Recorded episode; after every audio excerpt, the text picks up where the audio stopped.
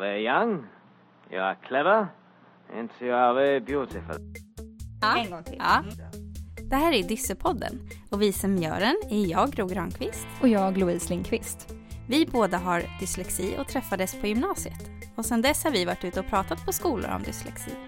Och vi tycker att det är viktigt att man pratar mer om dyslexi för att göra det lättare för alla elever ute i skolorna.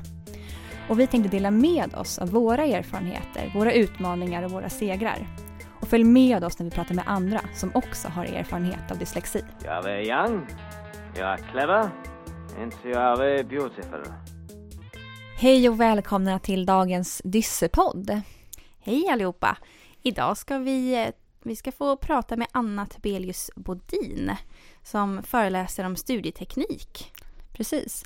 Studieteknik har varit väldigt viktigt för oss också. Vi fick ju hitta vår egen någonstans där på gymnasiet tillsammans. Så vi har väl känt att utan den så hade skolan varit mycket, mycket svårare.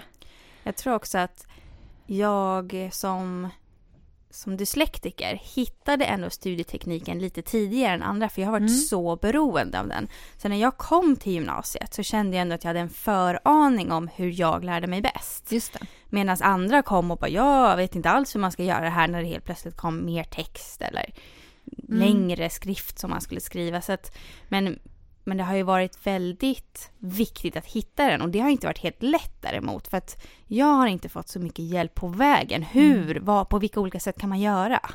Nej, och det är så extremt stort tänker jag. Det snackas väldigt mycket om studieteknik inom den här dyslexivärlden. Och det handlar ju kanske dels om konkreta saker, hjälpmedel och sånt, men vad jag förstår att Anna kommer prata mycket om är ju mycket andra saker, alltså målsättning, inställning till saker och eh, motivation typ. För sånt tänker jag är grunden. Om man inte är motiverad eller känner att skolan är så pass jobbig så att jag vet inte ens vart jag ska börja. Nej. Vad gör man då? Alltså jag tror att vi börjar från så olika nivåer mm. också. Så det ska bli jätteintressant att ja. höra vilka tips hon har. Vi ringer upp henne helt enkelt. Det gör vi. Anna Tobelius Bodin. Ja, hej Anna! Det är Gro Hej Gro! hej! Hej Louise! Vad roligt att ha dig på tråden. Vi ska ju prata lite studieteknik med dig. Ja. Vill du börja med att berätta lite vem du är och vad du gör för någonting? Ja, jag eh, är föreläsare och skribent, säger jag. Jag har skrivit mycket, jag har skrivit böcker och jag skriver en del artiklar. Och i övrigt så, så föreläser jag på heltid ute på eh, skolor och företag och på föräldrar och olika olika grupper om just eh, hur vi lär oss saker. Och hur började du med det här? Då?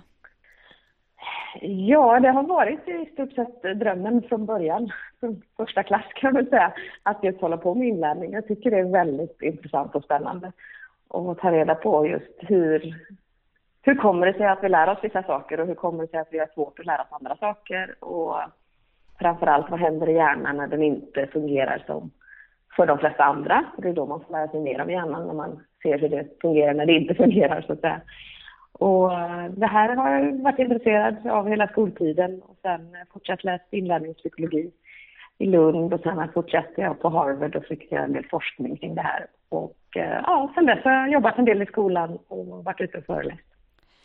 Vad, hur, har studieteknik alltid, har du alltid vetat hur man ska göra när du själv gick i skolan eller hur var det då?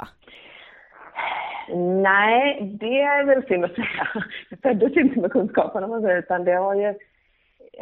Jag kan väl säga så här, jag dominerade rätt stort i klassen muntligt under hela min skoltid. Men eh, jag tappade ju på det skriftliga och eh, såklart läsuppgifter. För att det, det gick inte särskilt bra och jag läste oerhört långsamt. Jag började läsa väldigt sent. Och um, det tappar man ju i studieresultat förstås när man inte har den biten också, hur muntligt stark jag än var. Liksom. Så eh, jag fick ju en väldig motivation när jag fick mina betyg i åttan att eh, jag skulle göra någonting åt min läs och skrivnedsättning, så att säga. För att jag ville väldigt gärna komma in på en gymnasieskola i Göteborg som hade väldigt höga antagningspoäng.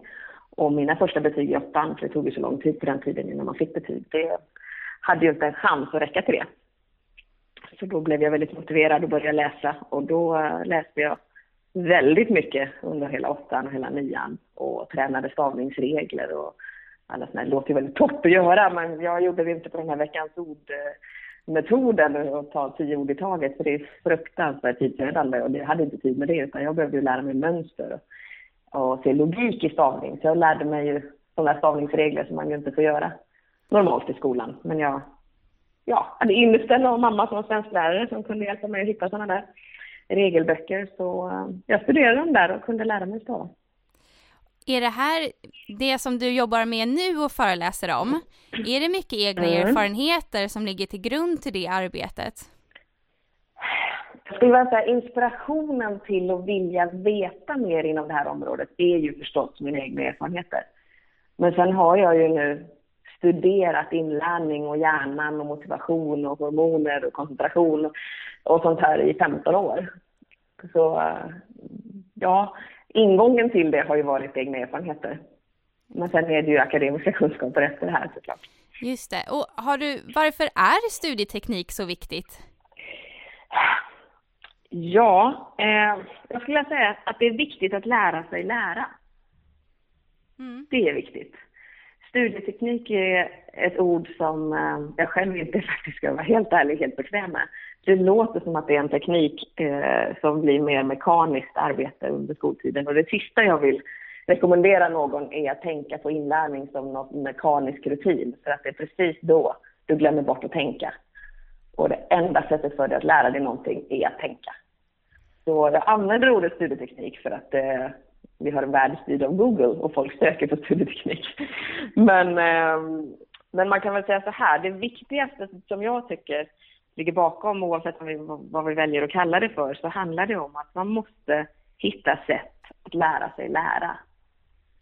Och det spelar inte så stor roll vad det är man vill lära sig och vad det är man har svårigheter med eller vad det är man behöver kompensera för eller vad det är man vill briljera inom, utan vi måste alla hitta strategier och idéer för hur inlärning faktiskt går till och hur det funkar för just mig. Vilket inte skiljer sig jättemycket från hur det går för de allra flesta. Vi är inte så olika som man ofta kanske låter tro om man läser i media och sånt där.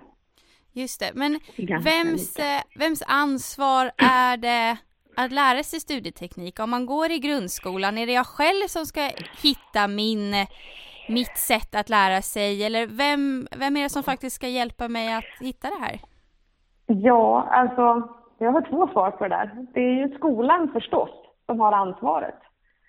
Men min erfarenhet är ju att den kunskapen jag sitter på, som jag föreläser om och, och bidrar med så mycket jag kan dagligen, den eh, som handlar just om psykologin bakom hur vi lär, hur hjärnan faktiskt bearbetar information den är ganska, jag skulle inte säga unik kanske, men den är inte spridd.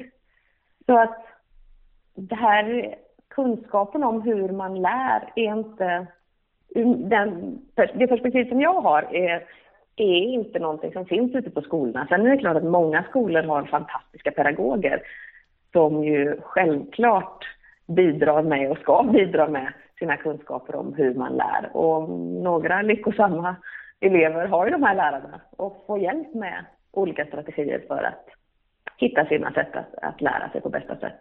Men de som inte gör det, det är ju bara en slag i ansiktet att få höra att ja, det är skolans ansvar. Men om inte skolan tar det ansvaret, ja, då är det ju ens eget ansvar tyvärr. Det, det blir ju så. Det är inte rätt, men, men det blir ju så i den krassa verkligheten.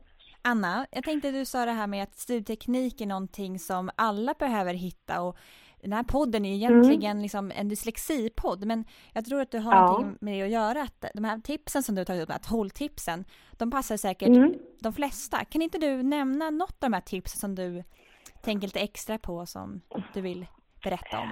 Eh, ja, det är väl om vi tittar på eh, de här svårigheterna med att faktiskt läsa och man siktar in sig kanske lite för mycket på att man måste läsa snabbare, det måste gå fortare för att man ska hinna läsa mer. Så är inte det alltid nödvändigtvis det absolut bästa. För att just läshastigheten kan ju vara det absolut svåraste, eller sägs ju vara också det absolut svåraste att kompensera för om man har de här svårigheterna. Och då är det ju rätt viktigt att man rätt tidigt börjar hitta strategier för att läsa strategiskt. Alltså, hur är en text uppbyggd? Vad behöver jag läsa? Hur plockar jag russinen ur kakan? Ja. Ju längre tid du studerar, ju högre upp du kommer i nivåerna om du når ända till universitetet, då börjar till slut ingen läsa all text. Det, det, det hinner ingen. Det. Det är kul att du säger just det, för att jag, det där känner jag också igen att eh, det är många som säger att du ska läsa hela den här boken, det är hela den här boken som är i kursen. Det, ja. det, det, funkar ju oftast inte, man hinner ju inte det. Och nej, nej. Det är liksom, man får och allting är inte lika viktigt. Nej, precis, precis. Mm. Är det något annat tips du tänker på?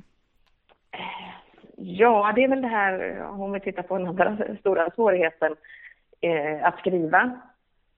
Så kan det ju vara just strukturen i i texten som är det svåra. Och dels är det svårt i den bemärkelsen för många att det blir inte strukturerat. Det är, det är lite i talad form nästan, fast det är nedskrivet. Och det har ju en helt annan struktur, ett tal, än vad, vad en skrift ska ha.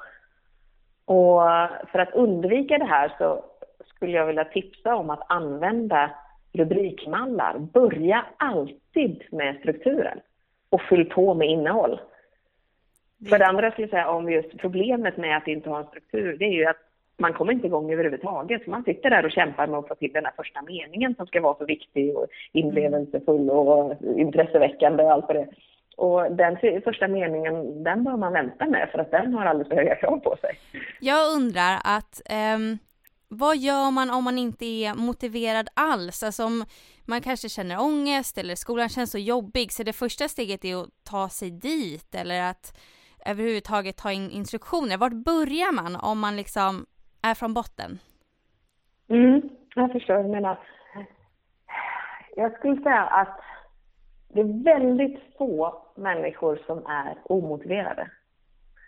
Och det här är ju någonting som man kanske inte brukar prata om i sådana termer. Vi, vi pratar många gånger om att ja, men jag är så omotiverad eller mitt barn är så omotiverat Och att vara omotiverad som person, det är att vara apatisk. Och det är inte så många som ligger i sängen och bara stirrar in i väggen hela dagarna. Utan vi är motiverade att göra vissa saker. Så att alla kan börja nysta i vad är det som du är motiverad att göra? Vad är det du gör som gör dig glad? Vad går du igång på? Var får du din energi ifrån? Och när man börjar luska i det så är det antagligen någonting helt annat än vad man behöver lägga massor av tid och energi och kraft och blodkött och trådar på att göra för att man inte fokuserar på sina svagheter och brister. Men om man istället tittar på var, var får man sin energi ifrån, om man sammanfattar det. Och om det är att eh, vara ute i naturen eller att eh, rida på hästar eller att spela ishockey eller ja, titta på eh, rymdfilmer eller vad det nu än är. Så börja gräva där. Kan du göra mer av det kan du hitta människor som gör det till sitt yrke? Jag skulle till och med tipsa någon som spelar dataspel hela dagarna. Liksom. Kan du ringa upp någon och få kontakt? Eller har du någon i dina föräldrars eller någons kontaktnät som faktiskt arbetar med att producera dataspel? Det är i Sverige topp i världen på att göra, så det finns ganska många som gör det. Och det bara få hänga med dem en dag det här är ju verkligen jättebra. Det tror jag kan jättemånga som kan ha nytta av det tipset. Och jag tänker också ja. att det handlar mycket om när man går kanske i högstadiet, det är så många ämnen som man bara måste göra för att ta sig vidare. Ja. Och då tänker jag att de här intressena som du tar upp, det är ju också någonting man, man kan koppla till eh, de ämnena som man kanske inte tycker är lika roliga. Som du säger, tycker mm. man att ishockey är superkul, då kanske man kan ta in någonting av det i när man pluggar matte. Att ja, men, ja. räkna ut eh, avståndet till målet eller någonting, vad som helst. Att försöka få in ens mm. intressen i allt annat man gör också. Ja, för tittar man om du tar till exempel ishockey så Wayne Gretzky, en av världens absolut största ishockeyspelare någonsin, han var extremt matematisk för att kunna spela sitt spel. Han gjorde ju saker som ingen annan gjorde från jätteunga år. Hans pappa tränade ju honom i matematiskt tänk från treårsåldern. Alltså, jag menar, Zlatan var tvungen att lära sig väldigt mycket språk och ekonomiskt tänkande och allt möjligt för att kunna göra den karriären han gjorde. Så det finns ju väldigt mycket i skolan som du har nytta av för att kunna briljera inom ditt stora intresseområde. Och då är det där man behöver gräva för att hitta motivationen. Jättefint eh, sagt och jättebra avslutning tycker jag med två goda exempel. Tack för att mm. du har delat med er av dina tips, Anna. Tack själv. Jag fick vara med. Ja. Hej då! Hej då! Hej då! Hej! Det jag kom att tänka på nu när vi lyssnade och pratade med Anna var ett någonting som vi brukar prata om, men någonting som Anna har med i hennes lista här med 12 tips och det är ju att ha roligt. Mm. För att man kommer bara behålla en studieteknik som man tycker är kul. Mm. Och det tror jag att det är så viktigt att man tar med sig och så har jag också känt att gör jag ingenting som känns relevant för mig eller som är roligt, ja, men då tappar man ju det ganska lätt. Ja, och det här kan vara liksom svårt att försöka hitta det som är roligt i någonting tror jag. Det är väldigt många som bara, men det här är alltså skittrist liksom. Och så kan man känna igen sig också bara, fasen måste jag göra det här just. Men då kanske man liksom kan hitta någon dimension av det, liksom någonting i det man gör som faktiskt kan vara kul för en. Eller att försöka göra det man gör lite roligare. Typ, ja men ritar istället om du tycker att det är kul liksom. Ja, och göra det tillsammans med någon, för då kan man ju alltså prata om ämnet, även om det är Mm. matte och ekvationer, då kan man ju försöka prata om hur man löser det och i sådana fall vad man skulle kunna använda det här i verkligheten Mm. eller något liknande. Att man faktiskt får, för det har varit viktigt för mig, att det är så här, men hur ska jag kunna använda det här? För jag vill inte bara kunna något för att. Nej. För sån fakta fastnar liksom inte i mitt huvud. Utan när ska jag kunna använda det här? Att det blir handfast. Liksom. Ja. Och du säger någonting också som jag tänkt på att göra saker tillsammans. För det har varit min stora, stora nyckel under alla år. Liksom. Oavsett om det är med kompisar i klassen eller någon annan eller någon släkting, vad som helst. Att ha någon med sig det man lär sig och kunna bolla tankar med. Det går liksom inte för mig annars att fästa det. Nej. Mm. Ja, jag tror att bara att man får försöka, försöka hitta sin eget och testa sig fram. Våga testa nya saker också. Absolut. Mm. Det var allt för idag. Mm. Lycka till och hitta era sätt. Hej då! Hej då! You are very young, you are clever, and you are very beautiful. Vi som står bakom Dyssepodden är Föräldraföreningen för dyslektiska barn, FDB. FDB hjälper och stöttar föräldrar som har barn med dyslexi. Mer information hittar du på fdb.nu. Dyssepodden produceras av Trapets Media.